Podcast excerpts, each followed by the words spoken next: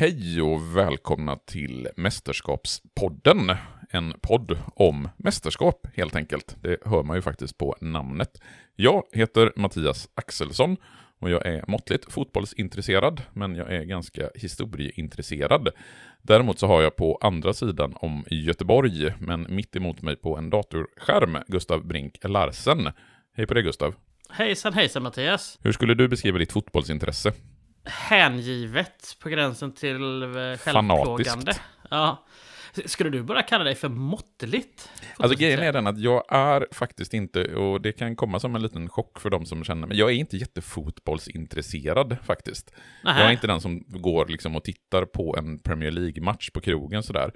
Jag följer ju, nu har det väl kanske i och för sig mer med att detta års VM går i Qatar och jag inte känner någon VM-känsla inför det överhuvudtaget. Nej. Men jag har faktiskt bara sett enstaka minuter när kompisar liksom haft på tvn i bakgrunden Ah, av okej. det här världsmästerskapet. Och i övrigt så är jag nog faktiskt mer intresserad av historisk fotboll, så som den här mästerskapspodden eh, ämnar att hamna om, handla om. Ja. ja, men dagens moderna fotbollsindustri är man ju ganska less på, vill, Mm. vill jag ju hävda. Jag som ju då har... Jag håller ju internationellt på Manchester United och har varit i Manchester en del, men man är ju rätt trött på de olika ägarskapen i Premier League och sådär liksom. Får man ju milt sagt uttrycka sig. Jo, jag tänker just, jag känner ju till ditt eh, United-supporterskap och jag tänker att det kan vara ganska, alltså klia lite just det att hålla på en sån, och det gäller ju inte bara givetvis Manchester United, det gäller ju egentligen alla storklubbar, må det ens så vara Barcelona eller PSG eller vilken klubb som helst egentligen som är en del av den här moderna fotbollsindustrin. Ja, nej men jag, alltså, vi har ju, som jag säger, vi, de är United har ju en ägarfamilj som är liksom dåliga för klubben, men det är ju i alla fall inte en oligark eller en liksom saudier som, som mördar folk. Sen är de amerikanska businessmän och har väl gått över lik eventuellt där, det, men det är ändå på en annan nivå. Sen är de ju usla för klubben. Men jag har väl sagt någonstans att när den här superligan... Nu har jag i och för sig... Nu blev jag av med min uh, Viaplay här på grund av att jag har Telia hemma. Så nu har jag inte kunnat se så mycket matcher i höst faktiskt. Men jag har väl sagt att när den här superligan en gång för alla faktiskt blir av, för det kommer den ju bli. Då är det tack och hej till mig, för mig med den internationella fotbollen. Då är det bara fokus på svensk fotboll. Och historisk fotboll. Ja, såklart. Ja, ja. Men det är ju, det är ju alltid med liksom. Ja. Eh, så man, men- man kan se Premier League tio år efter. Mm. Nej men det är ju något speciellt just i det här att grotta ner sig i gamla, så som vi gör i den här podden, gamla mästerskap. Men jag har ju också en, liksom, en tjusning i att titta men just på gamla matcher och läsa om gamla turneringar, inte bara Mm. VM utan EM eller Europacupen och liknande. Det finner jag ju ett mycket större intresse i än att faktiskt titta på dagens VM, eller för att inte tala om Champions League som känns Ja. urtråkigt ja. i mitt, eh, mitt sätt att se det. Men skit i det. ja. Låt oss istället grotta ner oss i eh, historia. Vad är det för världsmästerskap vi ska prata om den här gången egentligen? Ja, vi ska ju prata om eh, världsmästerskapet i Brasilien 1950. Mm. Och det är ju ett litet hopp framåt i tiden från eh, tidigare världsmästerskap. För det vi poddade om för en månad sedan ganska precis, det var ju VM 1938. Sen har det ju hänt en del, skulle man väl kunna säga, i Europa och världen mellan 1938 och 1950. Men vi kommer dit. Och, men innan vi kommer in på dagens världsmästerskap så tänker jag att vi kör det vi har gjort tidigare, nämligen köra de här fem snabba. För att lite grann komma ihåg, vad var det som hände där för 12 år sedan, 1938 i VM? Vilka var det som vann? Det var Italien, Och vilka var det de slog i finalen? Ungern, Alltså Italien-Ungern i finalen 1938. Och skyttekung? Leonidas, brassen som gjorde sju mål. Mm. Sveriges insats? Ja, den är ju svårbedömd. För vi kommer ju faktiskt fyra, men vi gör ju det med en seger och två förluster eftersom Mm. att vi då fick VO mot Österrike i första omgången.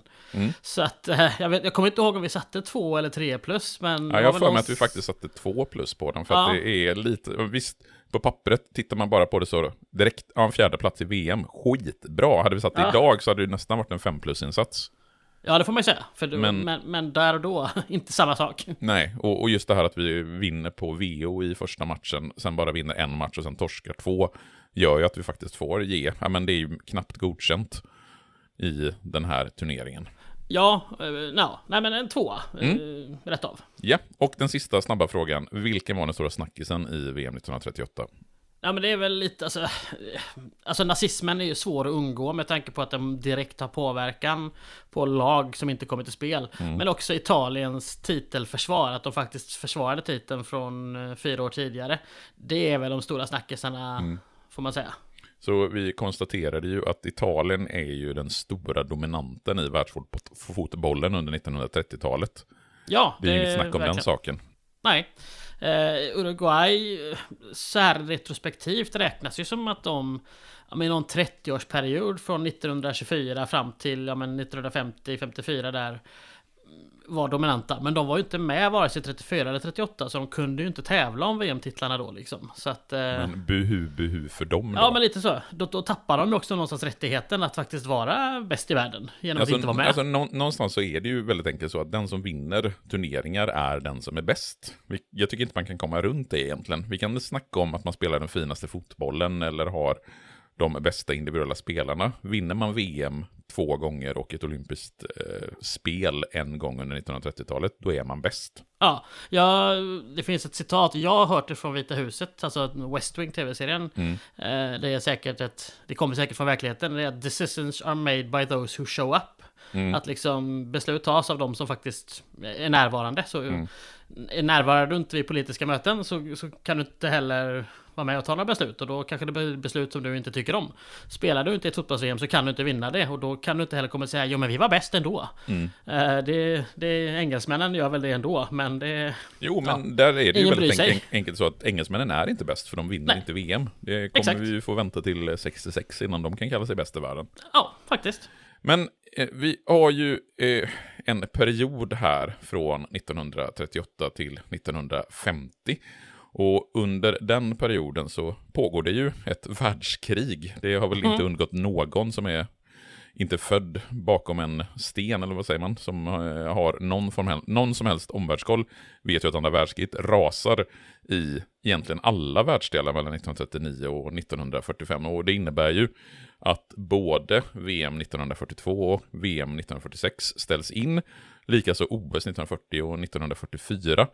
Sen har vi ju en kontinent som inte påverkas direkt av andra världskriget, mer än att länder där allierar sig på olika sidor. Och sen framförallt kanske efter andra världskriget då vi har ett gäng nazister som flyr till ja. länder i Latinamerika. Men Sydamerika klarar ju sig ganska lindrigt undan från andra världskriget. Så att då tänker jag att det skulle väl kunna hållas turneringar i Sydamerika under den här perioden ändå. Ja, det lyckas de göra. I alla fall eh, två stycken. Om än att det inte är eh, så fullvärdiga. För det är, en, det är två sydamerikanska mästerskap. Ett 1939 som spelas i, eh, i början av året i mm. Peru. Men där saknas både Argentina och Brasilien. Mm. Och det gör väl att en del av någonstans tyngden i den turneringen försvinner lite grann. Mm. Eh, Peru eh, vinner, vill minnas att det var deras första vinst i Sydamerikanska mästerskapen. Eh, så att hemma, hemmavinst eh, där. Och sen så spelas det ett, men det är faktiskt året före vårt VM, alltså 1949, så det är ju efter andra världskriget mm. till slut med några år. Och då är det väl ett, om man säger ett eh, Ja, det är Argentina drar sig ur. I övrigt är det väl i princip hela Syd, eh, Sydamerika. Så det får man räkna som ett tungt, riktigt mm. sydamerikanskt mästerskap. Och det spelades enligt principen att alla möter alla en gång. Och inför den sjunde och sista matchen så hade Brasilien vunnit alla sina sex matcher. Vilket men då förlorar man oväntat mm. nog mot Paraguay. Eh, som i sin tur har förlorat en match tidigare. Mm. Så då blir det omspel mellan de två. För att man räknar ju vid den här tiden inte målskillnad eh, vid mm. lika poäng. Eh, utan tre dagar efter den sista omgången så spelas en playoff-final. Och där vinner brassarna med 7-0. Så att det var ju inget snack om den saken. Och det här är faktiskt brassarnas första internationella titel sen 1922. Mm. Och det är alltså 27 år och längre än så har de aldrig gått utan, eh, utan att vinna en stor internationell titel. Det är en riktig, guld, gu, riktig guldtorka för Brasilien under den ja, perioden. Ja, de var ju inte, de lyckades ju inte i VM på, eh, på 30-talet. De var mm. ju med i alla, för att Brasilien är ju det enda land som har varit med i samtliga mästerskap. Mm. Men eh, nej, de kom, inte, de kom inte till skott. Så i och med att det första av de sydamerikanska mästerskapen du nämner är tidigt 1939 och det andra är 1949, så det är ju egentligen inte något av dem som spelas under andra världskriget heller. Så Nej. även de sydamerikanska mästerskapen ställs ju in under det pågående andra världskriget, utan det blir ju snarare så då att det råkar slumpa sig så att den första turneringen lyckas spelas strax innan andra världskriget bryter ut, eftersom det spelas, ja men blir det typ drygt halvår innan Tyskland marscherar in i Polen och helvetet bryter löst och sen 1949 så smackar man till med ett ytterligare mästerskap. Men innan 1949 så har man ju ett olympiskt spel. Eftersom kriget, det andra världskriget, tar slut 1945 så kan man ju 1948 hålla ett olympiskt spel. Och då är det dags att sommaren 1948 ta sig till London. Och det här blir ju då det första internationella fotbollsmästerskapet sedan, ja VM, det är första mäs- mästerskapet på tio år i princip. Ja, det, Och- så är det ju. Hur många lag är det som tar sig till de olympiska spelen 1948? Ja, det är 18 stycken ställer upp faktiskt. Mm. Eh, och det är ju en, eh, en, en respektabel mängd. Mm. Och Sverige är ett av de lagen. Jajamensan, det är vi. Mm. Eh, och så som man löser det är... Här kör man eh, samma upplägg som 34-38, alltså man börjar med åttondelsfinaler. Men eftersom det då är två lag för mycket så måste eh, fyra lag få spela liksom en preliminär runda, en, eh, en sextondelsfinal om man så vill, eller en playoff-runda för att ta sig in då i, i mästerskapet. Vi kommer gå igenom i detalj mycket, mycket mer i ett specialavsnitt det här mästerskapet. Eftersom att det är Sveriges enda internationella titel på här sidan. Eh, För seniorer. för senior, ja ska sägas. Men det, ja, för, för, den typen av lag vi pratar om kan man Ja. väl säga i den här podden. Eh, det är väl, eller de hade ju spelat även tidigare, framförallt Gunnar Nordahl hade gjort mycket mål i landslaget innan. Men det är väl någon form av genombrott för Grenoli. Som ju leder dem till, till proffslivet alla tre. Och vi förutsätter att de som lyssnar på den podden vet vad Grenoli är i sammanhanget va? Det tycker jag. Mm. Eh, men vi kan väl säga att det är Gunnar Gren, eh, Gunnar Nordahl och Nils Lidholm. Mm. Som ju sen då gick till Milan och var skapliga. Vi kommer prata om dem ganska sent i dagens avsnitt också ska sägas. Så att, eh, Helt, helt okej skulle vi kunna säga att de är. dugliga. Mm. Ehm, Sverige, eh, om vi bara tar Sveriges insats. Vi slog i tur och ordning Österrike och sen 12-nollade vi Sydkorea. Eh, och sen var det Danmark innan man då besegrade Jugoslavien med 3-1 i finalen. Danmark i sin tur kommer trea efter att ha slagit Storbritannien i bronsmatchen. Det här är ju lite intressant just att Sydkorea ställer upp i och med att det är precis efter andra världskriget och Korea precis har delats i ett Nordkorea och ett Sydkorea efter en väldigt lång japansk ockupation. Ja, Så det här måste ju, utan att jag egentligen har någon aning, så kan det här vara kanske Sydkoreas första internationella mästerskap överhuvudtaget för, eh, i fotboll. ja det måste det ju vara. Mm. Ja, i och med att vi inte har något annat mästerskap innan så är det ju givetvis så insåg jag ju nu när jag sa det. Så att, Ja. ja, 12-0 eh, mot eh, debutanten Sydkorea. Ja, det gick väl sådär för dem. Eh, Sverige har ju såklart en fördel här eftersom att vi har varit förhållandevis lite involverade i kriget. Det ser man på medaljligan på hela, alltså hela det olympiska spelet att Sverige kommer faktiskt tvåa totalt i medaljligan. Vi är fortfarande en bra bit guldmässigt efter USA men att leda Sverige, alltså vi kunde ju skicka liksom en förhållande, vi, vi, vi hade ju faciliteterna hemma så att säga. De var ju intakta liksom. Det var väl bara ströbomber som föll över Sverige när någon åkte fel. Något flygplan eller sådär liksom. Ja, just det här att Sverige är utanför andra världskriget är ju liksom till vår stora lycka om man ska titta på efterkrigstiden. Vi gör ju att vi framförallt ekonomiskt lyckats bygga liksom det, det, det svenska välfärdssamhället och att vi går så oerhört bra ekonomiskt under 1950 och 1960-talet kan vi ju till mångt och mycket tacka för att vi stod utanför andra världskriget och det märker man ju också här i den här turneringen givetvis att vi har en enorm fördel i att vi och och krasst, det är inte så många svenska fotbollsspelare som har dött i kriget heller. Nej. Eh, hur mådde London 1948? För de var ju ändå attackerade rätt... eh, rätt mycket. Jag tänker att om man kan ha ett olympiskt spel 1948 i London så har man lyckats bygga upp staden och de liksom, värsta bombningarna av London de är ju början av kriget. Det vill säga Ja, när, eh, när tyskarna gör liksom, sina terrorbombningar av London. Sen blir ju London i, eh, alltså London och Storbritannien bombat under stora delar av kriget. Men jag tänker att kan man anordna ett olympiskt spel så har man det ändå rätt okej 1948. Utan att jag Ja. egentligen vet exakt hur, hur snabbt det går att bygga upp. För Europa ligger ju verkligen i ruiner i mångt och mycket under liksom, slutet av 40 och även början på 50-talet. Ja, nej, för jag tänker bara...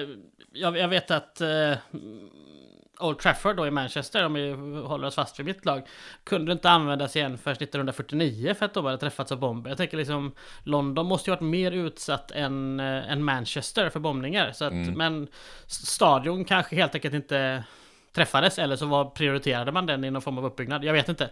Jag tycker mest det är intressant att det faktiskt bara är tre år efter krigsslutet så är man just i London för mästerskapet. Det hade varit mer logiskt någonstans Stockholm, alltså om man ska vara krass. Men, eller ja, det var väl ett ganska lyckat OS detta och det var väl kanske lite vad världen behövde att någonstans samlas igen och, och Nej, man, slåss man, byggde av. man byggde tydligen inga nya arenor till de olympiska spelen 1948, utan att det var redan existerande Ah, Okej. arenor som man använde sig av. Och det gör ju kanske det, det, det hela liksom en, lite ännu mer eh, imponerande faktiskt. Ja. Alltså tanken, tanken var ju att man skulle haft OS redan 44 i Ja, London, precis. men det, det hade väl varit lite väl att lägga Ja. OS mitt under brinnande krig liksom. Ja, det var väl skönt att man löste det först och sen tog vi krig. Eller tog, Mm. tog, vi, tog vi tävlingarna så att säga. Det var väl skönt att Hitler tog sitt förnuft till fånga och sköt sig själv i huvudet. Om vi säger så. ja. Mm. Ja. Men vi har eh, den enda internationella titeln på seniornivå för herrar i fotboll i och med att Sverige tar olympiskt guld 1948. Så är vi klara med de få internationella turneringar som spelas mellan 1938 och dagens världsmästerskap. Det är vi. Så låt oss då ta oss till Brasilien 1950. För i och med att vi har haft ett andra världskrig så känns det ju nästan som att hela världen på något sätt har varit indraget i det här kriget. Det är kanske inte riktigt är sant, men kont kontinent efter kontinent dras ju in i kriget. Egentligen kan man säga att det börjar i Asien med det japanska anfallet på Kina 1937-ish. Och sen så det tyska anfallet på Polen 1939. Och sen har vi strider i eh, norra Afrika och vi har i Mellanöstern och vi har ju givetvis de japanska bombningarna av Pearl Harbor och liknande. Men som jag nämnde tidigare så är ju Sydamerika en kontinent som är relativt, eh, vad, säger man, förskonade Försk- ja, från, eh, från kriget. Eh, Brasilien har rent tekniskt deltagit eh, i och med att man den 22 augusti 1942 faktiskt förklarade Tyskland krig i och med att tyska ubåtar åkte runt i Atlanten och sänkte en del brasilianska fartyg.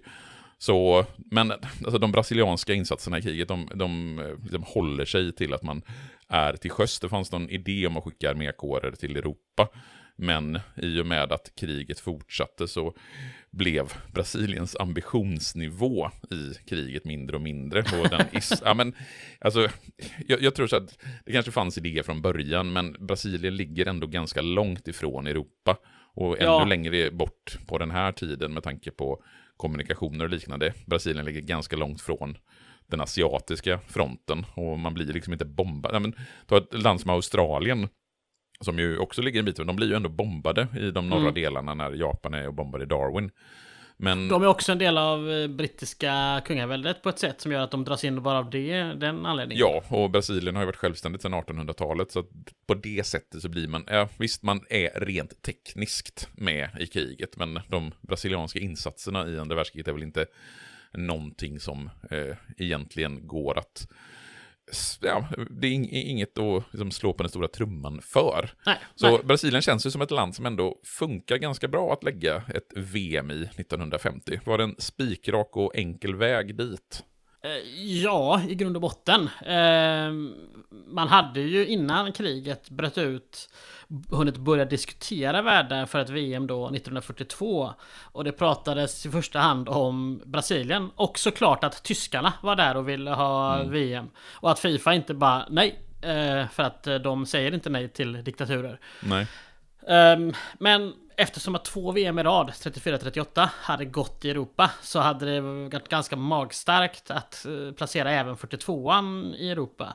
Så tanken var det liksom inte så att det kanske var uttalat, men, men om det inte hade blivit något krig så hade kanske Brasilien fått 42 och Tyskland 46. Mm. Ehm, är väl det man gissar. Men eh, det var i slutet av 46, alltså, eller i juli 1946, sp- på en, eh, en Fifa-konferens i, eller Fifa-kongress i Luxemburg som eh, framtida VM-frågan så att säga skulle avgöras. För det var inte självklart att man skulle plocka upp det verkar det som. Eh, men Brasilien är de enda som kom med ett bud om att arrangera VM och det togs ett beslut att det skulle spelas sommaren 1949. Och att det skulle spelas 49 stod sig i alla fall officiellt i, i två år. De bestämde sig för att flytta det till 1950. Det verkar när jag läser svensk media som att det var nog ganska klart redan, alltså det var nog mer en formell bestämning 48 att man skulle flytta fram det ett år. Det var nog ganska klart att att man, man skulle välja att ha 1950 hyfsat tidigt i alla fall. Inte en, eh, inte en självklarhet, men den tiden skulle man behöva liksom. Ja, alltså jag tänker, det är ju lite intressant här och för oss idag så är det ju så självklart att VM, ja men fotbolls-VM för herrar, det ska spelas vart fjärde år och sen så ska det rulla på på det sättet. Men när vi är här då 1946, 47 så har ju VM bara spelats tre gånger, 1930, 1934, 1930, alltså det är åtta år som det har spelats tre gånger. Så egentligen, det har ju gått lika lång tid sedan det senast spelats, spelades ett VM som det har liksom gått tid mellan första och sista världsmästerskapet. Så någonstans är det ju absolut inte självklart att den här grejen ska fortsätta. Att vi ska fortsätta ha världsmästerskap i fotboll faktiskt. Nej, precis. Och inte heller att det ska gå ett fjärde år. För på samma kongress, alltså den 1946, tar man också beslut om att ett VM ska hållas 1951 i Schweiz. Det blir det VM som sen flyttas till 1954 då, när man väljer att flytta Brasilien-VMet. Men här var liksom fyraårsintervallen var hotad. Eh, Det har ju pratats eh, av eh, ja, men några knölar, det vill säga Fifa-delegater senaste åren om att man kanske ska flytta, börja ha VM varje eller vartannat år. Och jag tycker att det är en av de absolut sämsta idéerna man kan ha för det tar bort eh, en av de stora grejerna med fotbollen. Att det, det är en unik händelse. Titta på hockey-VM, ingen, eller ja, jo, det är klart att några bryr sig. Men oftast är det det hemmalaget får hem mest NHL-proffs hem och de vinner liksom. Typ. Jag skulle, jag skulle säga att det är lite grann som att sätta fram julpyntet redan första advent. Att man tar ut liksom det göttiga hela tiden. Utan Ja. spela VM vart fjärde år. Sätt fram adventspyntet första advent, julgranen den 23 december. Låt sedan julgranen stå kvar till 20 Knut så blir alla, framförallt jag, nöjda och glada. Ja, jag tror att du är ganska ensam där. Även om jag i, Jag i, säga att jag och Edvard Blom håller Ja. fanan högt i det här sammanhanget. jag är själen med dig, men jag har också en fru. Så att därför har jag inte så mycket att säga till om just när julgranen ska komma in. Alltså, du, eh, ge mig Lisas nummer efter eh, sändningen så Absolut. ringer jag och snackar med henne om det här. Det här, måste, Absolut. det här måste sättas ner en fot någonstans. Ja, den här Fifa-kongressen var kanske mer, eh, alltså att VM-beslutet togs var liksom inte ens, alltså för någonstans berätta eller prata lite om vilken status VM hade. Det var liksom inte ens den största snackisen. Utan att Ryssland visar intresse för att gå med i VM och att faktiskt England gjorde det i det här VM. Jag skulle säga att det måste väl vara ändå Sovjetunionen som eh, ska gå med här 1950, inte Ryssland, eller? Det tycker jag med, men när jag läser i arkiven på Svenska Dagbladet och DN så står det Ryssland. faktiskt. Jaha, intressant. Så Det kan Ja. väl i och för sig vara den här klassiska sammanblandningen, att man skriver Ryssland fastän man menar Sovjetunionen, lite som man pratar om den ryska första femman och liknande. Ja, precis. Så, så är det säkert. Det är säkert så att Sovjet är de som ska med. Men jag reagerade också just på det att Mm. det stod faktiskt Ryssland i åtminstone rubrikerna. Eh, det kanske ändrades senare, jag vet inte. Men liksom att, att, Ja, eller så är det att så att- kommunisterna vill gå med är en stor Mm, Ja, grej. Det kan vara så att eh, Ryssland fungerar lite som England där, att det är de olika sovjetiska rådsrepublikerna som går med. Så den ryska rådsrepubliken går med i Fifa och sen så går den estniska rådsrepubliken med. Nej. Ja, samtidigt så spelar ju alla för Sovjet. Så att Ja, nej, det är, Ja. en konstig eh, teori från min sida. Vi släpper den. Ja. Men i alla fall, där är vi. Val av värdnation är gjort och man Mm. flyttade till slut till 1950 så att man håller den här snygga fyraårsintervallen. Det hade ju skavt mig om VM liksom hade varit 48 eller 52 också. Att Mm. Nu blir det ändå som att ah, ja, vi, vi, två VM försvann på grund av världskriget men vi fortsätter ändå fyraårsintervallet. Mm. Det känns ju bra i själen liksom. Ja, alltså för oss med lite OCD och liknande så är det ju jätteskönt att, att slippa. Och framförallt det här att vi får intervall OS, VM, OS, VM. Att, eh, att den rytmen inte rubbas. Så det är ganska skönt att slippa att ha världsmästerskap i fotboll samma år som det är olympiska. Sommar-OS. Liksom. Att det är vinter-OS samma år är fine. För att det går på helt annan, ja, normalt sett på helt annan årstid. Ja. Så det är jag fine med. Men om vi nu har ett världsmästerskap i fotboll 1950 som det är bestämt ska hållas i Brasilien så måste väl ett antal lag att kvala för att ta sig dit. Och när vi har pratat om kvalmatcher tidigare, särskilt de utanför den europeiska kontinenten, så har det ju ja, men i princip varit två lag som har mött varandra, eller så har det inte ens varit lag som har mött varandra, utan ett lag från en kontinent har kvalificerat sig. Och det mm. verkar, när man tittar på det, vara lite samma typ nu. Och dessutom så ska man ju komma ihåg att Europa håller på att bygga upp efter andra världskriget, lika, likaså Asien, för andra världskriget drabbar ju Asien precis lika mycket som det drabbar Europa. Och kalla kriget har ju dessutom brutit ut i och med att Sovjetunionen och USA har hamnat på olika sidor. Man har pratat om att dra en järnridå, eller en järnridå rest sig genom Europa med östblocket på den ena sidan och västblocket på den andra sidan. Det är Winston Churchill som myntade uttrycket järnridån i sammanhanget. Det talar ju Fulton i USA tror jag att det är. Men alla de här sakerna, alla de här liksom världspolitiska efterdyningarna av andra världskriget, påbörjan av kalla kriget, hur, hur liksom påverkar allt det här kvalet? Ja men det, ja gud, var ska man börja? Det, det, påverkar ju mycket. Till att börja med så är ju Tyskland och Japan avstängda. Eh, eller förbjuds att medverka. Eller japanska förbundet. Nej, tyska förbundet har tror jag inte ens har bildats än, det västtyska liksom. Eh, Italien däremot, trots att de då från början var en del av axelmakterna så, så får de vara med. För eh, ja, deras regering som väl valdes, var det 42 eller 43, liksom bytte ju inställning. Och mm. det gjorde att Fifa sa att okej okay då, ni får, ni får vara med. Men de behövde inte kvala eftersom de ju var regerande mästare. Så gick de rätt in i det. Som du har nämnt, lag från järnridån. Eh, det var bara Jugoslavien därifrån. Eh, från Östeuropa som kunde tänka sig vara med. Sovjet, Ungern, Tjeckien. Var bra lag men nej, de ville ja. inte vara med. Nej men Jugoslavien är ju lite speciellt där just för att Jugoslavien är ju verkligen som en liksom, liten udda fågel i det vi kallar för östblock. Jag tror inte Jugoslavien ens går med i Warszawapakten. Och Titos väg med socialismen, det, det, det brukar ju räknas som en liksom, tredje väg. Eh, där man vare sig väljer den eh, västkapitalismen eller den renodlade liksom, Sovjet planekonomi, kommunismen. Så det är väl inte jättekonstigt att Jugoslavien faktiskt även i det här kvalet i världsmästerskapen ställer upp. Men hur många lag är det som kvalar? Eh, är det lika många som förut eller färre den här gången? Nej, det är ganska samma. Eh, 1934 så var det 32 lag. Sen fyra år senare var det 37 och den här gången är det 34. Mm. Så det är smack bom i mitten liksom mellan dem. Eh, men precis som i de föregående kvalgrupperna, eller föregående kvalåren, så är det inte så att alla anmälda lag faktiskt spelar några kvalmatcher. Vi har, vi tar det, nu tar vi det i turordning här, som, som alltid. Mm. Vi har 10 kvalgrupper, 1 till 6 är de europeiska. Där är 18 lag med och de slåss om 7 platser. Mm. 7, 8, 9 det är Syd och Nordamerika. Det är 10 lag som slåss om 7 platser. Så det är ganska... Det är ganska svår, svårt att inte komma med där. Ja, Um, och sen har vi då Asien, fyra lag slås om, slås om en eh, plats. Mm. Jag inser att min matematik här inte riktigt går ihop. Eh, jag har kallat skrivit fel på Syd och Nordamerika för att skulle det här gå upp så får vi 17 lag i VM. Men det kanske var sex lag från eh, Syd och Nordamerika då. Skitsamma, det är inte det är inte det viktigaste för det löser ju sig ändå mm. så att säga. Eh, vi, vi börjar bakifrån för att det är det enklaste. För eh, Indien har anmält sig, precis som Myanmar, eh, då Burma. Vi har Indonesien och Filippinerna och de tre sista drar sig ur. Så Indien blir direkt kvalificerade. Mm. Och Indien har ju faktiskt varit med 1948 i OS ska sägas. Mm. och imponerade ju även om de förlorade. Så var de med där och spelade barfota. Mm.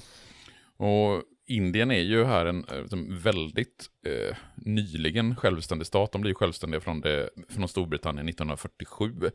Så Oj. att de ställer upp i OS 1948, det är ju liksom första året som självständiga. Och 1950 så tänker de att de ska vara med i VM. Eh, och då har de varit självständig nation i tre år. Och det är ju ett, ja Indien är ju ett jätteland. Eh.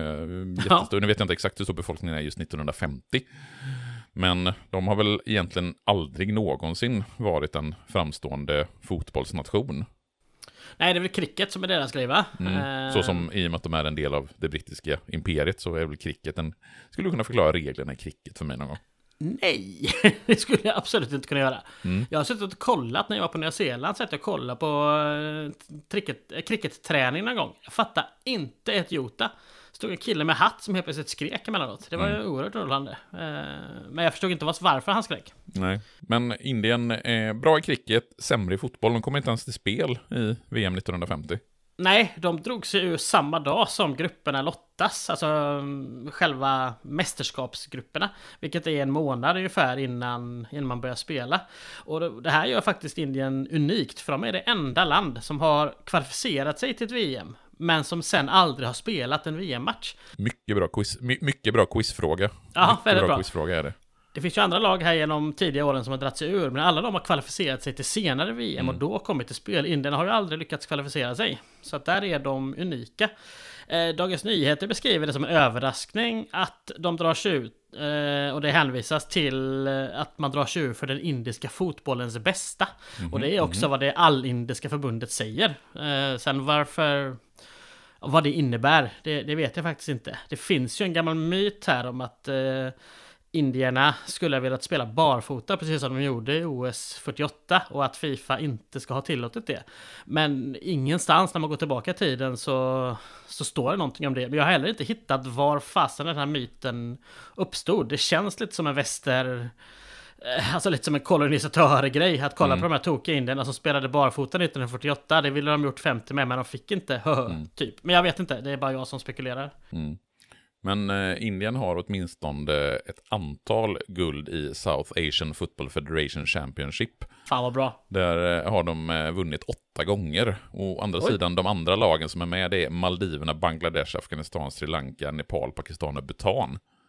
Så det är väl inte länder som kanske direkt får en att darra på manschetten när man Nej, hör dem eller som radas upp i fotbollssammanhang. Nej, kanske inte. En aspekt till ska ha varit att OS var liksom grejen eh, där borta. Det var den, det som klingade starkast för dem. Och att ja, de är med, tror jag faktiskt, vid OS 52-fotbollen igen. Eh, men, så att liksom VM hade inte riktigt nått, ryktet om VM hade inte nått dit. Så att det, att det skulle vara så, så stort. Så därför fokuserade man på att eh, samla ihop ett lag inför det mästerskapet i, istället. Mm. Indien tog faktiskt ett guld i landhockey i OS 1948. Ja, det är de bra på också kan jag tänka mig. Mm. Det är en Det märklig sport. Det känns som en, eh, ja det, du kan ju dra reglerna samtidigt som du kör cricketreglerna så kan du dra landhockeyreglerna för mig. tillfälle. absolut. Vi tar en podd på 75 avsnitt, ah, fyra timmar var. Men ska jag förstå det så som så här att från den tionde kvalgruppen Asien så blir Indien kvalificerat men Indien tänker inte ställa upp. Exakt så. Och ingen annan av de asiatiska länderna bjuds in för de drog sig ur liksom. Så de var väl inte intresserade då. Fan, det måste vara den enklaste kvalgruppen någonsin. Ja, vi, ja, vi har ju haft några sådana genom, genom åren. Ja, men, okej, ja. den enklaste kvalgruppen i det här mästerskapet då. Ja, absolut. Eh, fast ja, grupp 7 och 8 är ju inte... Ja, de är lika enkla. Eh, Argentina drog sig ur en grupp där Bolivia och eh, Chile var med. Så att båda de fick kvalificera sig. Och Ecuador drog sig tillsammans med Peru ur grupp 8. Och vilket gjorde att Uruguay och eh, Paraguay kvalificerade sig. Och då Brasilien som värdnation. Så fem sydamerikanska länder eh, är ju kvalificerade till mästerskapet då. Och ingen genom att ha spelat eh, en sekund fotboll. Jag skulle nog ändå säga att eh, kvalgrupp eh, 10 är enklare för att vi har ett land och det landet inte ens med. Nej, det är sant. Det är sant. Jag tycker att den är lite enklare än kvalgrupp 7 och 8. Det verkar viktigt för dig, så jag kan hålla med om det. Ja, framförallt är det viktigt för mig att inte framstå som en idiot. Jaha, hur Mm. tycker du att det går? Ah, sådär. Jag, jag, jobb, jag jobbar på det, men ja. Ja. ja, ibland går det, ibland går det inte. Låt oss istället gå till kvalgrupp nummer 9. Ja, för det är det nordamerikanska kvalet och här spelades det matcher. Wow. Eh, man bestämde sig för att låta 1949 års nordamerikanska mästerskap, NAFC, få avgöra vilka som blir de två platserna från Nordamerika. Eh, och det mästerskapet spelades under tre veckor i september 1949 i Mexico City. Och det var bara tre lag som var med. Det var Mexiko, det var USA och det var Kuba. Eh, och de tre lagen möter varandra två gånger av någon anledning. Och Mexiko vann alla sina fyra matcher med en målskillnad på 17-2. Så att tämligen eh, Men li, överlägset. lite bättre än USA och Kuba helt enkelt. Ja, men den andra platsen avgörs då helt enkelt av USA och Kubas möten. Och i sitt Mm. första möte spelar de oavgjort. Men i det andra vinner USA ganska klart med 5-2.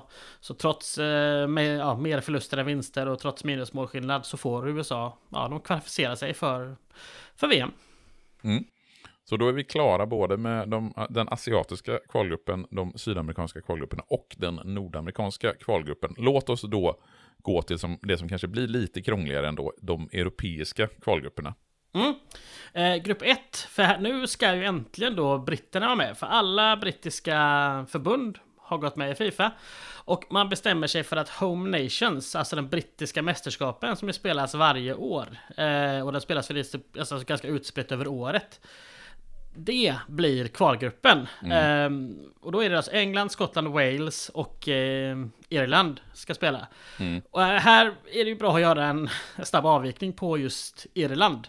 För det Irland som vi pratar om här, det är ju Nordirland. För det finns ju två förbund. Eh, och därmed, eller så här. Det förbund som bildades 1882 hette Irish Football Association, IFA. De påstod sig representera hela ön. Eh, Men när Irland blev självständigt, alltså exklusive Nordirland, eh, så bildades eh, den irländska fristaten. Och det som sen Så- blir republiken Irland. Ja, alltså det är ju den här precis. självständighetskampen på 1920-talet där irländarna vill bli självständiga från Storbritannien. Men i Nordirland så är det eh, majoriteten protestanter som vill vara Ja. kvar i Storbritannien. Så Irland blir ju en delad ö, hens också att det blir ett delat fotbolls... Alltså två fotbollsförbund i det här. Ja, precis. Och fram till och med det här mästerskapet tror jag det är, eller om det är fram till 1900, ja, början på 1950-talet, så väljer båda landslagen spelare från hela Irland. Så det gör att en del spelare i det här kvalet spelar både kvalmatcher med det som vi då kallar Nordirland och vanliga Irland. Så att liksom vi har spelare som representerar två olika landslag på den här tiden. Och det låter ju med våra mått mätt liksom jättekonstigt. Men då minns vi ju 30-talet där liksom argentinare flyttade till Italien, då blir det italienare. Eh, jag, när jag läste artiklar med Grenoli och sådär från den här tiden så står det liksom att ja Alltså frågan, ska ni, då, ska ni bli italienare nu och börja spela med dem? Så att liksom, det verkar ha varit en realitet där, att flyttar man till ett land så var det potentiellt att man också spelar för det landslaget. Så funkar det ju inte, inte nu. Och det funkade ju inte så då heller med svenska till exempel. De började ju inte spela för italienska landslaget. Men det var liksom inte så... Det var inte så otroligt och så osannolikt som det låter med våra moderna öron, om man säger så. Så den första kvalgruppen, det är då de eh, brittiska länderna England, Skottland, Wales och egentligen då Nordirland. Och ska vi ta oss igenom den här gruppen? Ja, precis. För det som är bestämt det är att två lag eh, ska gå till VM, ettan och tvåan. Det gjorde det enkelt kan man tycka, men nej, ändå inte. För engelsmännen säger ja, absolut. Kommer vi etta eller tvåa så kommer vi att spela VM nästa år. Men alla andra tre lag säger att nej, vi åker bara spela VM om vi vinner brittiska mästerskapen. Så enda möjligheten för att få två brittiska lag med är alltså då om England kommer tvåa. Eh, och alla möter alla en gång och inför den sista matcherna så har England och Skottland två segrar var. Vilket innebär att om Skottland vinner så kommer England tvåa. Då går båda de till VM. Och om England vinner Ja, då går England och Skottland till VM. Men Skottland kommer inte ställa upp. Och det är såklart eh, det som händer. Och spelarna i Skottland vill ju verkligen åka. Lagkaptenen George Young vädjar till skotska förbundet men får verkligen ett kallhamrat nej. Eh, och då, alltså så här, Englands lagkapten ska ha varit där också och liksom vädjat till förbundet. Men nej, det, det någon jävla bestämd grej att om vi inte vinner det här så ska vi inte spela VM liksom. Och det känns som en malplacerad Liksom, va, hur många VM tror ni att det kommer få vara med i Skottland? Eh, Jävla någonstans? töntar skulle jag säga i Ja, sammanhanget. lite sådär. Mm. Men, i alla fall, två lag kvalificerar sig, men bara ett kommer till VM. Mm. Och det är England som går till VM från den här kvalgruppen då. Yes! Grupp 2, 3 och 4 var de här något märkliga trelagsgrupperna där ett lag är sidat. Så att två lag spelar först en match och vinnaren där får möta, ja, möta det sidade laget då. Allt klart? Mm, ja, jag tror det i alla fall. Ja. Eh, I grupp två så slår Turkiet Syrien för att vi... För Syrien spelar ju Ja. givetvis i den europeiska gruppen. Mm, Exakt. Självklart, inga konstigheter med det. Nej, jag bara säger, jag tänkte, ska vi grotta i det? Nej, jag bara tycker, vi, jag, jag tycker vi konstaterar att Syrien spelar i den europeiska gruppen. Fan, Israel har väl spelat EM hur många gånger som helst Ja. och ställer upp i Eurovision Song Contest, så vad fan, låt Syrien vara med här. Ja, precis. Så att Turkiet ska sen få möta Österrike som är sidat. Men Österrike drar sig ur, vilket gör att Turkiet eh, kvalificerar sig till VM. Bara för att sen själva dra sig ur. Eh, man säger att man inte hade råd att skicka ett lag till Brasilien. Så att den kvalgruppen var ju men... Det blev en, en Turkiet-Syrien 7-0 och sen ingenting mer av det liksom. Och ingen, ingen, och ingen går till VM heller. Nej, precis. Så att just nu har vi liksom tre då, här har vi tre kvalificerade lag som har Mm. dragit sig ur. Så att, att nå de 16, ja, det verkar bli tufft. Men det vi känns, tar... ju, det känns ja. ju inte jättehett för lagen att vara med i VM. Alltså skottarna drar sig ur fast de är kvalificerade, turkarna drar sig ur fast de är kvalificerade, Indien drar sig ur fast de är kvalificerade. Alltså VM måste ju känna sig ganska ratat på något sätt. Om VM hade haft känslor hade det känt sig gaslightat. Ja, nej, men, usch. Ja, nej men liksom, man får ju tänka tiden. För det är ett världskrig har nyss varit. Det är fort, alltså ra, ransoneringar pågår väl i de flesta av länderna fortfarande liksom. Ja, Att, vi har ju egentligen, vi har ju ransonering i Sverige fortfarande in på 50-talet. Jag tror kaffe ransoneras in till början på 50-talet i Sverige, som då inte ens var med i andra världskriget. Så det är klart att de länder som faktiskt deltog i, på olika sätt i eh, världskriget har vissa problem även in på 40-50-talet, givetvis. Ja, det är väl helt, helt naturligt liksom. Mm. Men ska vi ta den tredje kvalgruppen, där vi har Jugoslavien och det europeiska laget Israel. Ja, exakt. Det gör vi. Mm. Eh, Jugoslavien utklassar Israel och ställs mot eh, Frankrike. Och de ska mötas i två matcher. Eh, båda de slutar 1-1, vilket gör att vi får ett omspel eh, som Jugoslavien till slut lyckas vinna med 3-2. Så att det krävdes tre matcher mellan Jugoslavien och Frankrike och jag tror till och med, ja precis 3-2 efter förlängning. Så att eh, det var bra tajt mellan Jugoslavien och Frankrike. Men Mm. därifrån Jugoslavien till VM. Mm. Och den fjärde kvalgruppen, Centraleuropa. Vilka Ja, lag har vi då? Ja, den är ganska enkel. Det är Centraleuropa här. Det är Schweiz slår Luxemburg två gånger innan man ställs mot Belgien. Men Belgien drar sig ur, så Schweiz går till VM. Klart. Helvete vad lag drar sig ur alltså. Ja, Det kommer, ju, det kommer ju kännas som att det är den stora snackisen, åtminstone inför VM. Att eh, lagen vill inte vara med. nej men lite så är det ju faktiskt. Ja. Att eh, det kämpas för att få... Eh, ja, eller så här, det blir ju bara 13 lag som spelar. Vi, vi kommer ju gå igenom det här framöver. Men, men det blir ju inte 16 lag, det blir Nej. ju bara 13. Så att, eh, ja, så är det. Men ett av de lagen som faktiskt kommer att komma med till VM, det är ju Sverige. Och hur är vägen till VM för svensk del? Ja, potentiellt den märkligaste vägen får man säga. För liksom, tittar man på Fifas officiella tabell och liksom googlar man runt på internet så är det hur lätt som helst att få en felaktig bild av hur Mm. det här kvalet faktiskt eh, ägde rum. För vi har Irland, alltså det riktiga inom citationstecken då, Irland, med oss i vår grupp. Och vi har Finland grupp, eh, med i gruppen. Eh, och tittar man på tabellen som Fifa har, som fortfarande är den officiella tabellen, då står det att Sverige vann gruppen efter att ha spelat två matcher. Mm. Båda de matcherna spelades mot Irland och vi vann båda dem. Finland står även de registrerade på två matcher.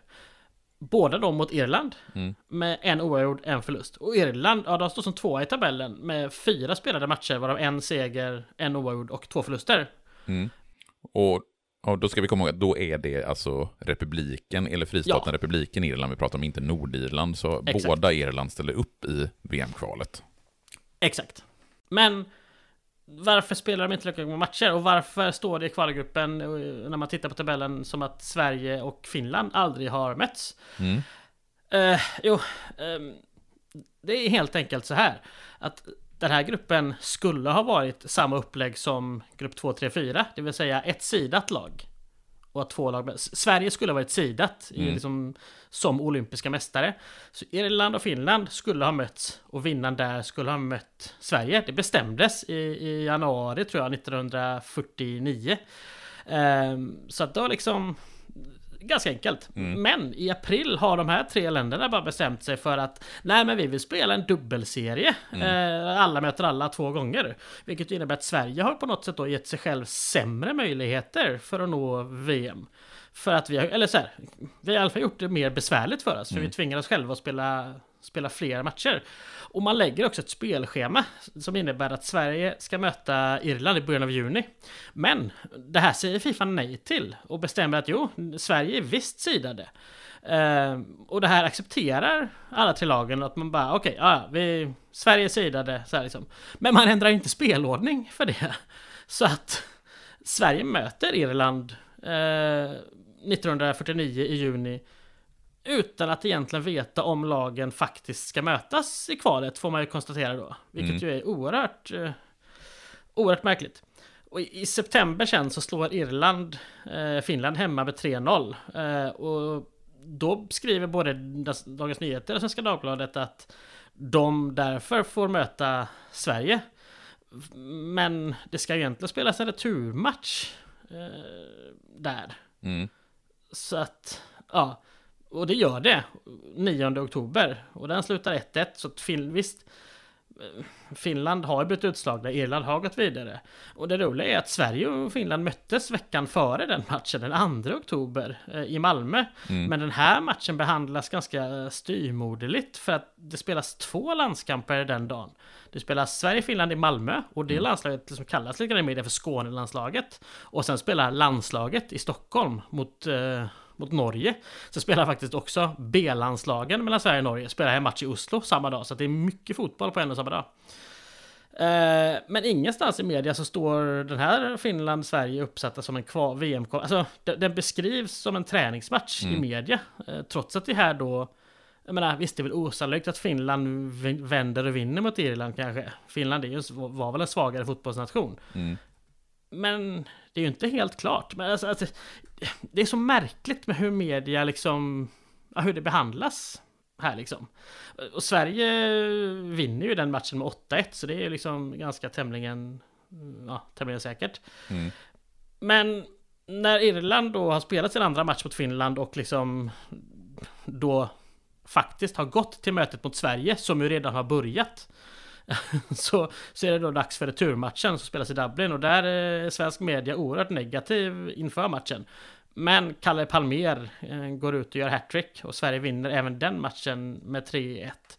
Så att liksom...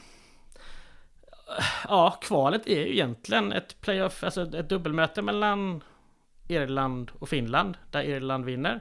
Och sen ett dubbelmöte mellan Sverige och Irland, där den första matchen spelades före dubbelmötet mellan Irland och Finland. Mm. Ju Hängde man med där? Ja, det är en väldigt märklig väg framför svensk del. Just det här att man spelar den ja. första matchen mot Irland innan man vet om det är Irland man ska möta i alltså det avgörande kvalet. Men sen så blir ja. det ju trots allt så då att man vinner 3-3 så är det väl ganska givet att det är Sverige som tar sig till VM från den här kvalgruppen ja. ändå. Det är det vi får ta med oss. Sverige ja. gick till VM, punkt. Ja, vi, okay, vi, vi, gör det hela väldigt kort. Sverige går till VM, ja. man kvalificerar sig efter att ha då besegrat Irland. Eh, ska vi ta den sista kvalgruppen? Ja, eh, den är ganska enkel för det är bara två lag. Eh, Spanien och eh, Portugal slåss om en plats. Och Spanien vinner med 5-1 eh, hemma. Och eh, sen blir det 2-2 i Portugal, det vill säga Spanien till VM. Portugal erbjöds sen att medverka i VM, eh, men tackade nej. De blev, bjöds in som ett av ersättarlagen för mm. de som dragits ur då.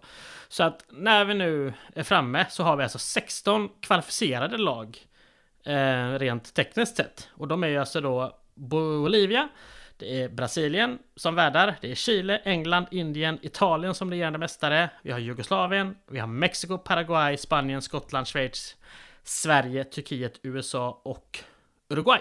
Mm. Så 16 lag kvalificerade och en del lag drar sig ur, men den här turneringen i 1950 Brasilien har ju ett lite speciellt format. Alltså den spelas ju inte riktigt så som VM-turneringar, vare sig förr eller senare, egentligen spelas. Ska vi säga Nej. något om upplägget innan vi går in på matcherna? Ja, eh, alltså första vändan känner vi ju igen från numera, det vill säga ett vanligt eh, gruppspel. Men det är ju det är en skillnad mot 34-38 där man ju gick direkt in i ett slutspel. Mm. Här har man istället då att man ska dela in lagen i, i fyra lagsgrupper och alla ska möta alla eh, en gång. Och det finns egentligen två huvudsakliga eh, det här förslaget kommer från arrangörslandet, alltså från Brasilien. Och det finns två anledningar. Det är att man vill maximera antalet matcher och biljettförsäljningen. Mm. För ett rakt slutspelsträd plus bronsmatch ger 16 matcher. Men fyra grupper med fyra lag i varje. Följt av ytterligare då en grupp med fyra lag där alla möter alla. Som ju är det här, alltså vi får en finalgrupp här sen. Mm. Det hade gett 30 matcher, alltså nästan dubbelt så, så många. Så att, eh, och det är dels då framförallt så här för att maximera alltså, ekonomin, eh, mm. matcherna och för att biljettförsäljning för att få det gå plus. Eh, och det är också för att genom att göra ett gruppspel så får ju alla lag minst tre matcher att spela. Och visst, det var inte ovanligt när man, alltså det hände ju när lag reste från Sydamerika till Europa 1938 och, och 1934 så spelade de inte träningsmatcher. Men här får de ju tre garanterade VM-matcher. Och det, ja men, då känns väl mer värt det helt enkelt mm. då att, eh, att resa den långa biten. Mm. Men hur ställer sig Fifa till det här förslaget på upplägg? Ja, precis som alltid när det kommer ett gott förslag så är Fifa emot det. Eh, men Brasilien hotar att dra sig ur och alltså helt enkelt inte arrangera något VM. Eh, och då säger Fifa okej okay då. Mm. För att de vill ju ändå ha sitt... De vill ha sitt VM liksom. Mm. Um, reglerna är förhållandevis enkla. Det är två poäng för seger, en för oavgjord och noll vid förlust. Och om två lag skulle toppa gruppen på samma poäng, då blir det en playoff-match.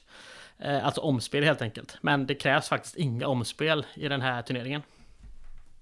Och hur lottar man vilka lag som ska möta vilka i de olika grupperna? Det gör man eh, en månad eh, före mästerskapet ungefär. Här kan vi då gå tillbaka till att vi, då, vi hade ju då som sagt 16 lag um, kvalificerade. Mm. Tre lag drar sig ur. Skottland och Turkiet gör det i alla fall i tid, alltså innan lottningen och Fifa försöker bjuda in fler lag eh, till lottningen. Eh, Indien däremot är ju med i lottningsproceduren, mm. ska sägas. Men att få in andra lag, Fifa hade svårt med det. Irland fick eh, bjud, inbjudan, man sa nej. Portugal sa nej. Men Frankrike sa ja, så att när själva lotten dras så lottar man 15 lag in mm. i tre fyrlagsgrupper och en trelagsgrupp med ändamålet att eh, få ett lag till helt enkelt. Och man har sidat fyra lag. Eh, Brasilien är sidade som värdar. Italien är sidade, England är sidade och Uruguay är sidade. Eh, varför Sverige inte sidade är väl något oklart eftersom vi ändå är Olymp mästare. Olympiska mästare. Ja, men så är det. Eh, och till grupp 1, eller pool 1 som han sa. Jag älskar pooler. Det, mm, det ger mig gamla flashbacks från gamla bantävlingar liksom. Uh, där lottas, det är Brasiliens grupp och mm. där lottas Mexiko, Jugoslavien och Schweiz in. Uh, och med England i grupp 2 hamnar Spanien, Chile och USA. Sverige, Paraguay och Indien kommer med Italien i grupp 3. Mm. Och med Uruguay i grupp 4 så lottas ju då två lag in och det är Frankrike och det är Bolivia. Och som sagt, tanken är ju verkligen att ett lag till ska in här. Mm. Men efter lottningen försvinner Indien, vilket gör att vi helt plötsligt är 14 lag. Mm. Ehm, och bara tre lag även i grupp 3. Eh, och man får inte in någon ersättare för dem. Mm. Och sen drar sig även Frankrike ut för att det verkar som att logistiken här, alltså i... Um, man har liksom inte lagt grupperna speciellt, speciellt bra, alltså spelplatserna. Frankrike kände att vi kommer få resa något in i bänken inom Brasilien mellan de olika matcherna. Att det är inte värt det. Så Frankrike drar sig också ur och man får inte in någon ersättare för dem heller. Så tillsammans med VM 1930 så är ju det här då med 13 lag den turnering där vi har minst antal lag.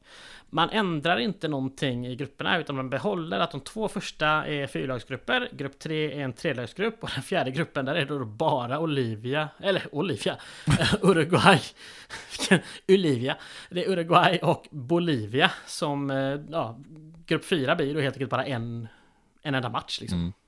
Så det är ju verkligen ett stukat mästerskap vi går in i här. Alltså, det känns ju som att det är ju... Vad, vad taskigt mot Brasilien som ändå ställer upp och arrangerar det här världsmästerskapet. att dra sig ur och inte vilja vara med och även få erbjudanden att vara med fast man inte kvalificerat sig. Och så Ja. skiter man i det ändå. Ja, det känns verkligen eh, ja, men taskigt mot Brasilien 1950. Jag tycker synd om Brasilien. Ja, Men, det ska ju inte bli bättre för Brasilien om man, om man bara om man teasar lite om det. ja. Nej, men finns det något att säga liksom, innan vi går in på liksom, själva turneringen om lagen som är med? Nå- några, nå- några noteringar att göra? Ja, men eh, England gör ju då sin första eh, VM-turnering och det är ju alltid värt att, att nämna. Och som sagt så skulle ju eh, Indien ha gjort sin första VM-turnering och är ju som sagt unika genom att vara det enda lag som någonsin har kvalat sig in utan att någonsin ha spelat. Turkiet och Skottland skulle också ha gjort sina första VM-turneringar men drog sig ur. Men de har ju spelat VM senare. Härifrån och framåt är ju Brasilien det enda lag som har medverkat i samtliga världsmästerskap. Brasil, eller förlåt, Belgien, Frankrike och Rumänien eh, var ju med i samtliga 30-tals slutspel. Men missade ju av olika anledningar. Rumänien anmälde sig inte ens och Belgien drog sig ur och Frankrike fick ju gratisplats och drog sig ur ändå. Eh, Sverige är ett av fyra länder som gör sitt eh, som gör sitt tredje mästerskap. Och eh, ja, vi kanske ska prata lite om Sverige eller? Ja, jag hade ju en önskan eh, från eh, min sida inför det här eh, avsnittet att vi skulle göra den här klassiska gå igenom truppen, det vill säga vilka spelare från Sverige som faktiskt skickas till det här världsmästerskapet. För det känns ju verkligen så att när vi kommer fram nu till 1950, efterkrigstiden, så börjar det ju bli namn i den svenska truppen som ändå många, åtminstone de som är liksom hyfsat fotbollsintresserade, har koll på. Många av de namnen som vi pratade om på 30-talet är ju ändå, ja, man måste vara ganska duktig fotbollsnörd för att ha koll på de namnen, men tittar man på de, den svenska truppen från 1950 så är det ju åtminstone en, en bra gäng namn eh, som man ändå har koll på sådär. Absolut, så är det ju verkligen. Och hur har det gått för dig när du har försökt utröna vilka som faktiskt ingick i truppen? Jag har fått ändra en Wikipedia-sida i alla fall. En, Mm, stort, stort. Ja, en engelsk Wikipedia-sida. Men vi kan, vi kan ta det lite grann från början. För att det är inte så jäkla eh, lätt att utröna. Men jag tror faktiskt att jag, men till slut, tack vare arkiven hos Dagens Nyheter och Svenska Dagbladet, så har jag klurat ut eh, hur den svenska 18-mannatruppen då eh, ser ut. För att både Dagens Nyheter och Svenska Dagbladet skriver att det tas ut 18 spelare plus 4 reserver. Alltså 4 reserver på hemmaplan som man väl säger då liksom. Eh, och när det första, där, liksom när båda skriver om det här första tillfället, då tas en Kjell Rosén ut. Men vi kan konstatera att han prioriterade en proffskarriär före att spela VM. För han blev under sommaren proffs i Torino och befinner sig... Alltså, vi har liksom, när, mitt under mästerskapet, om man söker på Kjell Rosén när Sverige spelar matcher där i de här arkiven. Så står det att han har infunnit sig i Torino. Och då kan han omöjligen ha varit nere i, eh, i Brasilien. Och han spelar ju inte heller några matcher, så att han ingår faktiskt inte i den svenska truppen, utan den... Ja, den uppdateras, så att säga. Något annat som kan vara värt att påpeka är ju att Sverige faktiskt, alltså det pågår ju en diskussion under våren här om utlandsproffsen ska få vara med. För Fifa säger ju ja till professionella spelare. Och det finns liksom en sida med att nej men man bygger sitt lag på hemmaplan och Men det finns en tanke om att de ska ha liksom, tappat ja, men, att, ja hur blir det att integrera dem i det svenska laget sen liksom. Mm. Eh, och så finns det ju en annan sida som bara att det är klart man ska spela med de elva bästa liksom. Eh, men man landar ju till slut då i att eh, proffsen inte får vara med. Varken Granoli eller Garvis Karlsson eller någon annan som befinner sig i ja, Italien är det de flesta befinner sig i. Det verkar vara dit som, som svenskar flyttade på 40 och 50-talet. Men du har lyckats åtminstone eh, utröna vad som borde vara den svenska truppen. Och då har Ja. vi två målvakter med oss till Brasilien. Ja, vi har IFK Norrköpings Torsten Lindberg och eh, Helsingborgs IF eh, Kalle Svensson. Det som ju alltså sen då blir Rio-Kalle. Mm, och både, Så har vi då en ja, eh, målvakt på hemmaplan, Tore Svensson, som spelar för IF Elfsborg faktiskt. Vid den här ja, tiden. och både Torsten Lindberg och eh, Kalle Svensson är ju faktiskt med i OS 1948, även om eh, Kalle Svensson är reserv och får ingen medalj. Så Nej, är de båda med 1948. Och jag tänker att de flesta ändå i det här laget är med i och med att det bara gått två år sedan eh, det olympiska guldet 1948.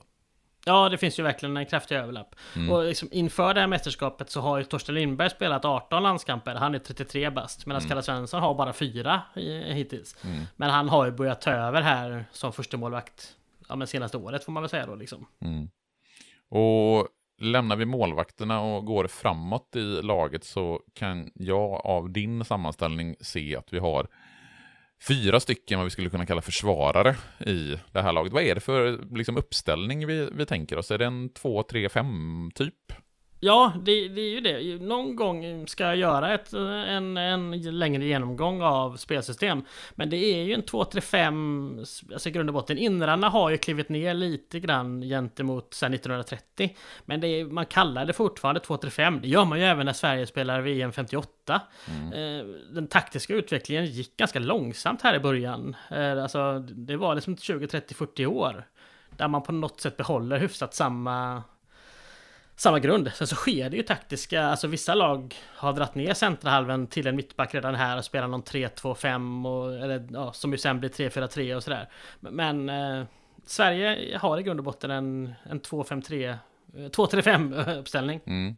Och då är det fyra försvarare, eh, varav två väl spelar samtliga matcher, Lennart Samuelsson och Erik Nilsson som också är sistnämnde kapten eh, från Mm. Malmö FF. Och därtill Arne Månsson och Gunnar Johansson som ytterligare två försvarare i den Ja. svenska truppen.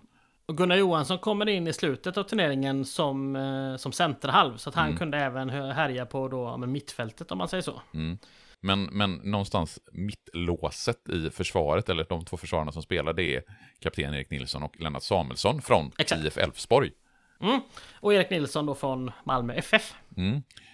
Mittfältare, ska man kalla dem så? Ja, mittfältare, halvbackar, eh, men vi, vi kan väl använda moderna termer så att vi, vi säger mittfältare. Kör! Då har vi AIKs Sune Andersson, vi har MFFs Ingvar Gärd, vi har en eh, Knudal... Knud... Nordal, Knudal, nu får, du fan ta Knut. nu får du fan ta och ge det. ja, det är sent. Knut Nordahl, en Nordahl-broder som Mm. spelar i IFK Norrköping. Och vi har Olle Ålund från Mm. Degerfors.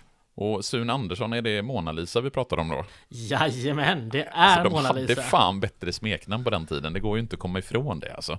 Nej, det är fantastiskt är det. Mona Lisa Andersson. Vi hade ju Rio-Kalle då på Kalle Svensson. Och vi har ju en, eh, en forward sen som har ett visst smeknamn också. Så låt oss ta övriga truppspelare, de mer offensivt inriktade sådana. Ja, vi har åtta spelare som någonstans räknas som forwards då. Och det är ju Djurgårdens Hasse Jeppsson. Vi har Bror Mellberg från AIK. Sen har vi fyra Malmö-spelare. Det är Egon Jönsson, det är Stella Nilsson, det är Kalle Palmer och Ingvar Rydell. Och sen har vi Stig Sundqvist från IFK Norrköping och en ung herre född på julafton 1929 som heter Lennart Nacka Skoglund. Han heter väl ändå inte Nacka, han heter väl Lennart Skoglund. Ja, ja, ja, kallas för Nacka om vi, ska vara, om vi nu ska vara petiga. Ska vi vara petiga då? Eh, jag, jag tycker att vi ska vara petiga, det, det ligger väldigt mycket för mig att, att vara petig. Ja, man gillar att Egon Jönssons smeknamn också är hemlig. Hemlige Jönsson. Det Mm. är också ett så bra smeknamn. Eh, Men där har vi någonstans 18-mannatruppen. Utöver de här så som sagt Tore Svensson var målvaktsreserv på hemmaplan. Sen har vi en Halmia-spelare faktiskt, Kurt Svensson, som också är reserv. Och Börje Tapper, pappa till Staffan Tapper. Som, Mest, eh, mest känd för att ha missat straff i VM Ja. 1974. Det är tycker vi ska sluta härja om det. Det är kanske ett öde verkligen att, eh, att bli ihågkommen som straffmissare. Ja, det är väl taskigt ändå. Vi kan väl... eh, Han, han var landslagsspelare och gjorde jättebra från sig, Mm. får man väl säga. Ja, men eh, om man jämför med till exempel Tommy Salo, som ju är ihågkommen för sin eh, miss mot Vitryssland, så är ju han också lika mycket ihågkommen för straffräddningen 94. Men det känns ju som, kan du liksom från, från, eh, från huvudet, så, någonting annat som Staffan Tapper har gjort? Nej! Nej, då är han ihågkommen som en straffmissare. Vi kan inte komma ifrån det. Ja, jag hoppades att du skulle fråga om jag kunde något som annat som Tommy Salo har gjort. För det, det gör jag faktiskt. För han... eh, När jag hade, om det var NHL 99 eh, på datorn. Så var det alltså sådana coola intron. Och där är han med. För han gjorde en sån... men han, han kommer ut en bit i banan, pucken går ut på sidan och en, en, en spelare skjuter mot öppet mål. Han slänger sig och slår undan pucken i luften med klubban liksom. Mm. En sån, alltså det är som en fotbollsmålvaktsräddning fast mm. med liksom klubbskaftet. Oerhört eh, stilrent. Han ligger som en, som en kula i luften. Och så, här. så det, det har jag också på Tommy Salo som en sån mm. cool räddning han gjorde. Ja, det är skönt att vi kan komma ihåg Tommy Salo för andra saker än Vitryssland. Staffan Tapper däremot stackare. Det är straffmissen 1974 vi kommer ihåg dig för. Ja. Tränare för det här laget är ju vad man måste säga är den mest meriterade, bästa, eller så här, mest meriterade svenska tränaren i historien. För det är ju engelsmannen George Rayner som tränade laget två år tidigare i OS. Han tränar mm. laget nu. Han tränar också laget 1958 när mm. Sverige tar silver. Så det är han och Tommy Svensson som mm. tar medaljer åt Sverige. Mm. Eh, får man säga. Eh, sen så var han ju inte... Konceptet förbundskapten fanns ju inte alls utan det, ännu. Det var ju en uttagningskommitté som, som tog ut spelarna. Eh, och Rainer coachade och som tränade laget på mm. plats mm. då liksom. Eh, vad kan man säga om laget? Vi har nämnt Erik Nilsson var kapten. Det är ett väldigt Malmö-influerat lag med sju spelare blir det väl. Mm. Eh, därifrån. Eh, Nacka Skoglund är yngst. Eh, Knut Nordahl var som sagt bror till Gunnar och Bertil Nordahl. Så att... Eh... Ja, alltså Nacka Skoglund bör väl typ nästan debutera i det här världsmästerskapet. Han kan väl inte ha gjort eh, speciellt mycket inför VM 1950 med tanke på att han är född 1929. Nej, han står noterad för en landskamp innan bara. Så ja. att eh, det är liksom, han har haft genombrott och, och, och ta sig in här. Och spelare som jag förstår det vänsterinner här. Jag vill minnas att han eh, när vi kommer till 58 att han går som ytter mer. Men, mm. men eh, det har jag faktiskt inte dubbelkollat. Men han, han är ju i alla fall liksom en offensiv han var ju sevärd. Det är en sån mm. spelare som min morfar älskade liksom från den tiden. Min morfar var ju fotbollsgubbe från Danmark liksom. Han älskar ju ja. de här gamla eh, dribblersarna. jag har suttit och funderat på det mycket, eller när vi har gjort de här mästerskapspoddarna här liksom. Att eh, fotbollen idag är ju, om man tittar på Manchester City mot eh, Paris Saint-Germain. Alla spelare, alltså mittbacken i de lagen är ju mer tekniska än alla spelare från 1950. Mm. Alltså så här i grund och botten. Alla är också supervältränade. Och det, jag är inte säker, alltså det gynnar ju fotbollen på ett sätt. Men jag är inte säker på att det gynnar fotbollen. Och du förstår vad jag menar? Mm. Den här utvecklingen att alla är så jävla bra på allt. Jag vill inte se Brighton försöka spela liksom någon form av tiki-taka samba-fotboll. För Bright, eller, eller så här, Stoke ska slå långbollar mot Peter Crouch, inte mot, eller mot så här Nile Quinn liksom, ja. förstår vad jag menar? Jo, men uh, skulle man inte kunna göra lite grann i jämförelse med musik, det här att när fotbollen blir för tekniskt perfekt, när det liksom blir så på, liksom alla är perfekta, då blir det liksom att alla fotbollslag är Toto. Vilket gör att all mus alltså som Ex musiken, ja, men den, är, den är jävligt liksom, klockren, det är perfekta ja. tonträffar. De är så jävla tajta. Men ja. det är aptråkigt att lyssna på. Ja, men, musik så ska ju ha själ och hjärta, musik ska skava, musik ska liksom... Bob Dylan kan ju, har ju inte tagit en ren ton i hela sitt liv, men han är fantastisk att ly lyssna på. På samma sätt så är men... fotboll underbart att titta på även, alltså jag älskar ju att titta på liksom grötig, gyttjig fotboll en ja. höst snarare än liksom en perfekt plan i Barcelona där liksom bollen går som ett pärlband fram till mål. Ja, ja men det, exakt så. Jag, nu ska jag komma ut där. Jag tycker faktiskt att Toto, framförallt tidiga Toto, är ganska bra. Mm. Men, men liksom, jag förstår exakt vad du menar. Att liksom, det, musik som blir överproducerad och när man har alla utrustningar som är helt perfekta, det blir ju ofta rätt trist att lyssna på. Mm. Precis som att fotboll blir trist när det inte görs några misstag. Det är därför VM även idag faktiskt är lite roligare att kolla på. För spelarna är, har inte legat ihop på träningsläger i åtta veckor innan och liksom de har inte, de kan inte träna på varenda detalj in i grunden. För att det byts ut spelare i landslagstrupper och så vidare liksom. Um, klubblagsfotboll på toppnivå idag är ju tråkigare att titta på för att det sker färre misstag. Mm. Sen sker det ju fortfarande misstag och liksom så här. Men du förstår vad jag menar? Att liksom jag menar, för mig är det tydligare så här, när, liksom, när Pep Guardiola tog över Manchester City så hade han väl Joe Hart i mål, ville köpa Claudio Bravo för 500 miljoner som målvakt. Han dög inte, ett år senare köper man Ederson för lika mycket pengar. Alltså man har lagt en miljard på målvakter på två år för att få den perfekta målvakten. Man köpte fyra ytterbackar första transferfönstret. Alla var liksom tokordinarie landslagsmän och toppspelare. För att han måste ha de perfekta spelarna till sin perfekta lag liksom. Jag är ju stenhård och hävdar att Pep Guardiola är inte en bra tränare. Han är en bra... Han är en perfektionisttränare. När han har allt han behöver, då är han bra. Men han skulle inte kunna ta eh, ÖIS i Superettan och göra dem jättebra. För att han behöver spelare som gör exakt det han kan. Han är inte bra på... Eller han är jättebra på det han gör. Men om, om du får värva spelare för 20 miljarder. Jag menar, hur svårt är det egentligen då? Jag, alltså jag tycker det blir tråkigt liksom. Eh, men ja, eh, sidospår. Men jag Alltså- vill bara innan du går vidare med eh, dina, dina gräv i den svenska truppen. Eh, en liten, en, en, sån sjukt improviserad eh, quizfråga till dig. Ja. Som jag gick in på Nacka Skoglunds Wikipedia-sida.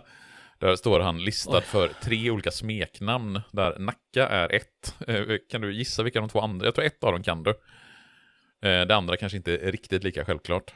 Kan jag ett av de andra? Alltså, det, är så, det var så här, det ena av dem kunde jag åtminstone. Jag tänker att du skulle kunna ha hört det i alla fall. Det är inte, det är inte, ett, det är inte ett sådär fölet bänken, utan det är mer poetiskt, om vi säger så. Ja men är det som så här eh, Den svarta pärlan typ liksom? ja, eller fast, det är åt, eh, åt det hållet. Aha. Nej det, nej, det har jag faktiskt inte på, dem, Nej, på honom. det, han kallades ju för den vajande majskolven. På grund av sitt blond, sin blonda frisyr. Ah. Och det är faktiskt ett namn som jag har hört. Och, och det finns det även källhänvisat till på Wikipedia. Den andra hade jag aldrig hört förut och det finns ingen källhänvisning. Så jag tar det här med en stor nypa salt att han alls skulle ha kallat det. Den smekande strutsen. Väldigt oklart vad det syftar på överhuvudtaget. Ja, det, nej okej. Jag har aldrig hört något av dem ska jag helt villigt erkänna. Nej, Vajande majskolven har jag hört. Smäckande strutsen ger inte heller några träffar i tidningsdatabas. Så det, det ska vi nog faktiskt inte ta Det är gift någon på på det har sagt. Wikipedia som har haft roligt. Liksom. Ja, jag tror att jag ska gå in och ändra det, och- eller säga så här, Ja. källa saknas. Gör det. Bra. Men ska du säga något mer om den svenska truppen innan vi går vidare? Eller så här, något som jag tyckte var kul när, när jag desperat sökte på hela internet var att på en helt random sida så står en Bernt Berntsson med som svensk trupp. Och jag bara... Vem fan är det? Alltså googlar, det har inte aldrig funnits en fotbollsspelare med namn Bernt Berntsson. Däremot så stod födelsedatumet på samma dag som Bengt Fölet Berntsson i Blåvitt. Alltså, eller inte Blåvitt, men jo Blåvitt. Eh, jag som blandar ihop vilka spelare jag skulle prata om. Eh, ja, så det är nog honom man menar. Men han var 17 bast vid den här eh, tiden och liksom det finns ingenting som säger att han att han var med liksom. Han var inte ens i Blåvitt än vid den tidpunkten. Han var, spelade väl kvar i och det var Lundby eller vad han var liksom. Så att, men liksom Ja, någonstans, ju mer man trycker sig ner i internet desto mer fel hamnar man i, i någonstans. Han var ju med sen i VM-truppen 58 ska sägas. Så jag tänker att det är där någon har eh, Det är där någon har fuckat upp det liksom. Och jag vill bara, apropå den vajande majskolven, eftersom jag inte kunde släppa det där riktigt och var tvungen att dubbelkolla, så är det faktiskt ett namn eh, Nacka får i VM i Brasilien. Så här står Ja. det i, i Dagens Nyheter. Eh, vi, nu går jag ju lite händelserna i förväg, men det får väl vara hänt. Eh, den som bestämmer takten i kedjan är en helt ung man med det på brasilianskt språk, mycket, roligt brasilianskt språk, man pratar väl Ja. portugisiska då. Mycket svåruttalade namnet Skoglund, som publiken i Sao Paulo redan döpt till den vajande majskolven, för att han hela tiden vajar med sitt majsblonda huvud när han spelar. Så där har, bakgrund, där har du bakgrunden till varför han kallas för den vajande majskolven. Ja, jag tänker att vi här faktiskt ska stanna upp och att jag ska quizza dig. Eh, för det är ju roligt. Eh, mitt quiz handlar inte alls. Den handlar lite om truppspelare. Det är därför eh, som jag vill köra det här. Ja, jag tänkte Men- att, du skulle, att det skulle komma, det handlar inte alls om VM, den handlar om trupprörelser i amerikanska inbördeskriget. Nej, vi pratar fotboll. För du sa i förra avsnittet att det finns ingen poäng för någon av oss att liksom göra en quizfråga om någonting som rör VM 1934, eller 1994. Ah, okej. Och jag tänkte challenge Åh accepted. fan, är det truppspelare på VM 94 alltså? Jag har... Jag, jag tänker, vi ska göra den här lite med liksom, lite rappt tempo. Mm. Jag kommer säga ett namn. Du ska svara om den här, ja eller nej på frågan, var den här spelaren med i VM 94? Alltså då pratar vi om den ordinarie truppen som är i USA. De Inga som var där, i... Ja, inte inga, bara att de sådär, inga reserver på hemmaplan eller Nej, nej, någonting. Mm. Hur, Eh, okej, hur många namn kommer du säga? Hur många rätt måste jag ha och hur lång tid får jag på varje namn? Nej men det, jag tänker att det ska vara lite rapid och jag Ja. tycker ändå eh, fyra av nio ska du kunna sänka tror jag. jag Ja. Det här kanske är svinenkelt eller så är det jättesvårt. Ja men kör. Men jag vill ha dem lite med tempo. Och så här, det, ja, då, det säger, jag- då verkligen... säger jag, jag säger bara ja eller nej nu. Ja, de Ja. var med. Nej, de var inte med. Ja, om man säger alla utom kanske det första namnet är verkligen Alltså det första namnet känner du till Men Mm. det kanske inte är en sån spelare som alla i hela världen känner till Nej. Jag börjar Mm. Karl-Heinz Riedle, var han med i Tysklands trupp? Jaha, det var, alltså, åh, jag trodde det var svenska spelare. nej, nej, nej, nej. Åh, Då har det blivit herre- Ja, precis. Jag tänkte att det, det var lite för enkelt. Men Ja, åh, herre, nej, nej. ja, då, det här, då, då, måste, då måste jag nästan få några sekunders betänketid. Ja, ja För Eh, du, ja. du minns vad Riedle är mest känd för? Liksom EM 92 Eh, Avgjorde mot Sverige Ja, eh, jag säger att han var med 94 i Tyskland. Ja Var Mm. Pep Guardiola med i Spanien? Nej, Var Clarence Seedorf med i Holland? nej. Var Diego Simeone med i Argentina? Eh, oh, ja, Var Rivaldo med i Brasilien? eh, nej. Var Gianluca Vialli med i Italien? Fyra, ja. Nej, eh, nej, eh, Vialli var inte med 94. Var Carlos Valderrama med i Colombia? Ja, det, eh, ja, det måste han ha varit. Var Tore André Flo med i Norge? Och sen var Norge ens med 94? Ja, det var de. Ja, det hade jag. Det, alltså, du hade kunnat fråga, var Norge med vid 94? Så hade jag sagt nej på det. Nej, men det minns jag. Rekdal gjorde mål och sådär. Det... Eh, oh, nej, säger jag då. Eh, Och sista. Var Oliver Kahn med i Tyskland? Han är ju 2002, det är tidigt för Kan, eller Kan. Eh, ja, möjligtvis som reserv. Nej, han var inte med. Okej. Då tar vi och rättar och så pratar vi lite om dem. Karl-Heinz Riedle svarar du ja på. Mm. Det stämmer. Han var Mm. med. Han fick till och med lite speltid. Hur många, Pep. vad sa du? Han fick till och med lite speltid. Inte jättemycket, men eh, lite grann. Mm. Eh, Så där får du rätt. Ja. Eh, Pep Guardiola, du sa nej. ja. Men han var med.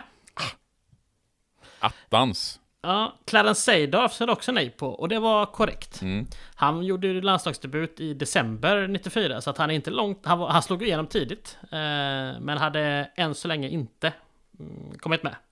Ja. Diego Simeone. Mm. Vad svarade du? Eh, hur fan ska jag komma ihåg vad jag svarade på den? Det är Eh. typ att svara nej va? Ja, jag tror jag svarade nej. Ja, för han var med. Ah.